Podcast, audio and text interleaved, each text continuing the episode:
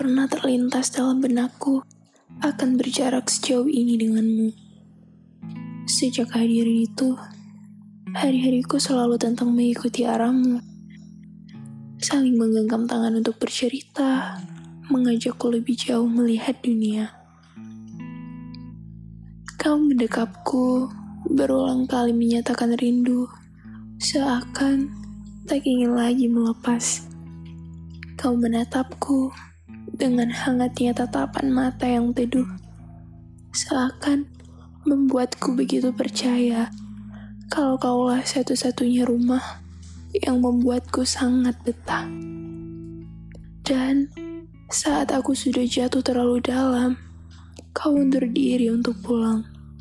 Berjalan dalam kehilangan, di saat aku mencarimu dengan kegelisahan kau ketemukan dalam keterasingan, memutuskan menjauh dan melupakan perasaan.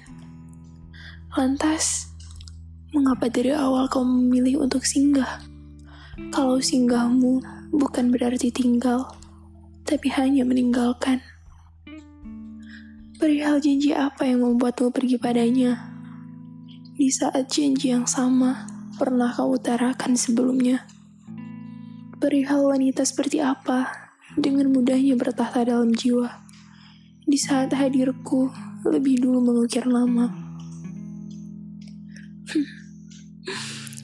Kau adalah orang yang kupersilakan masuk dengan senang hati. Tapi sayangnya, aku tidak terlalu berhati-hati. Kini, semua kata yang kau ucap adalah fana. Kala dulu aku mendengarnya begitu nyata. Aku ingat kau sering bercerita tentang lukamu dulu. Kini, ku rasakan luka itu mengenai diriku.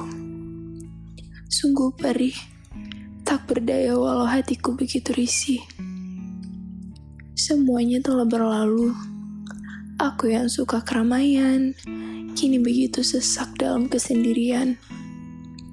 Tempat makan, ruas jalan, dan hiburan taman telah hilang dalam ingatan. Dengan lagu-lagunya yang sering kau nyanyikan, sekarang terasa pilu untuk didengarkan.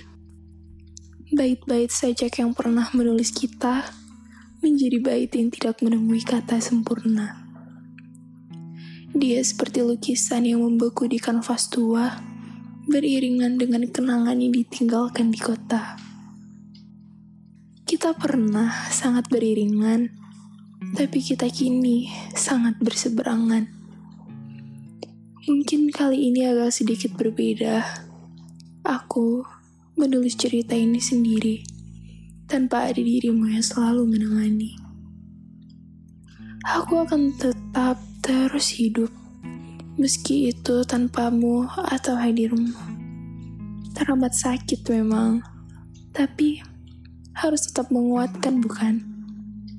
Karena aku tahu yang mengikhlaskan akan menemui kebahagiaan.